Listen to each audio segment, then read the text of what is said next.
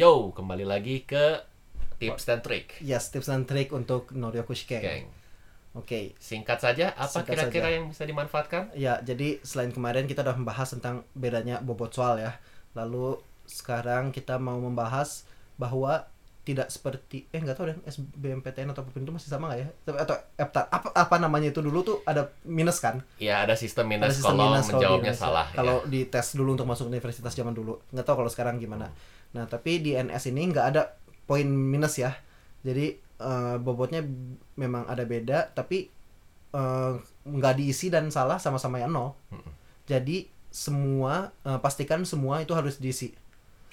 180 soal. Ya maksudnya tuh jadi 180 poin ya. ini di sini pentingnya adalah wajib membawa jam Hmm. harus bawa jam tangan jadi lebih baik isi kalau saya pribadi saya milih satu angka aja untuk ngisi jadi misalnya lagi N4 ya udah nanti semua yang kosong isi N4 lagi N3 semua yang kosong isi N3 ini ini nggak penting ya mau mau ngasal dengan cara apa pun juga boleh. Yang penting eh, kira-kira ngebuletin tuh bakal makan berapa lama. Kalau Iya. saya ini biasanya eh, fokus ke ngerjain soal sebisa mungkin sampai tiga menit terakhir.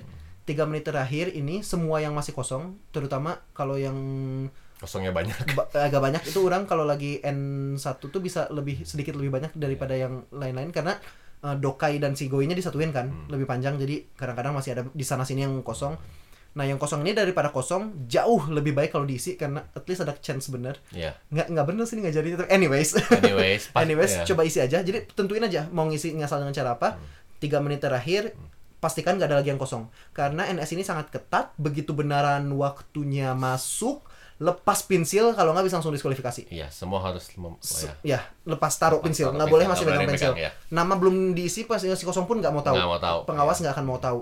Jadi pokoknya tiga menit terakhir kalau nggak terlalu yakin lima menit terakhir eh, karena itu wajib bawa jam tangan dan analog kalau bisa jangan sampai jam yang bisa bunyi karena itu sendiri bisa bikin diskualifikasi.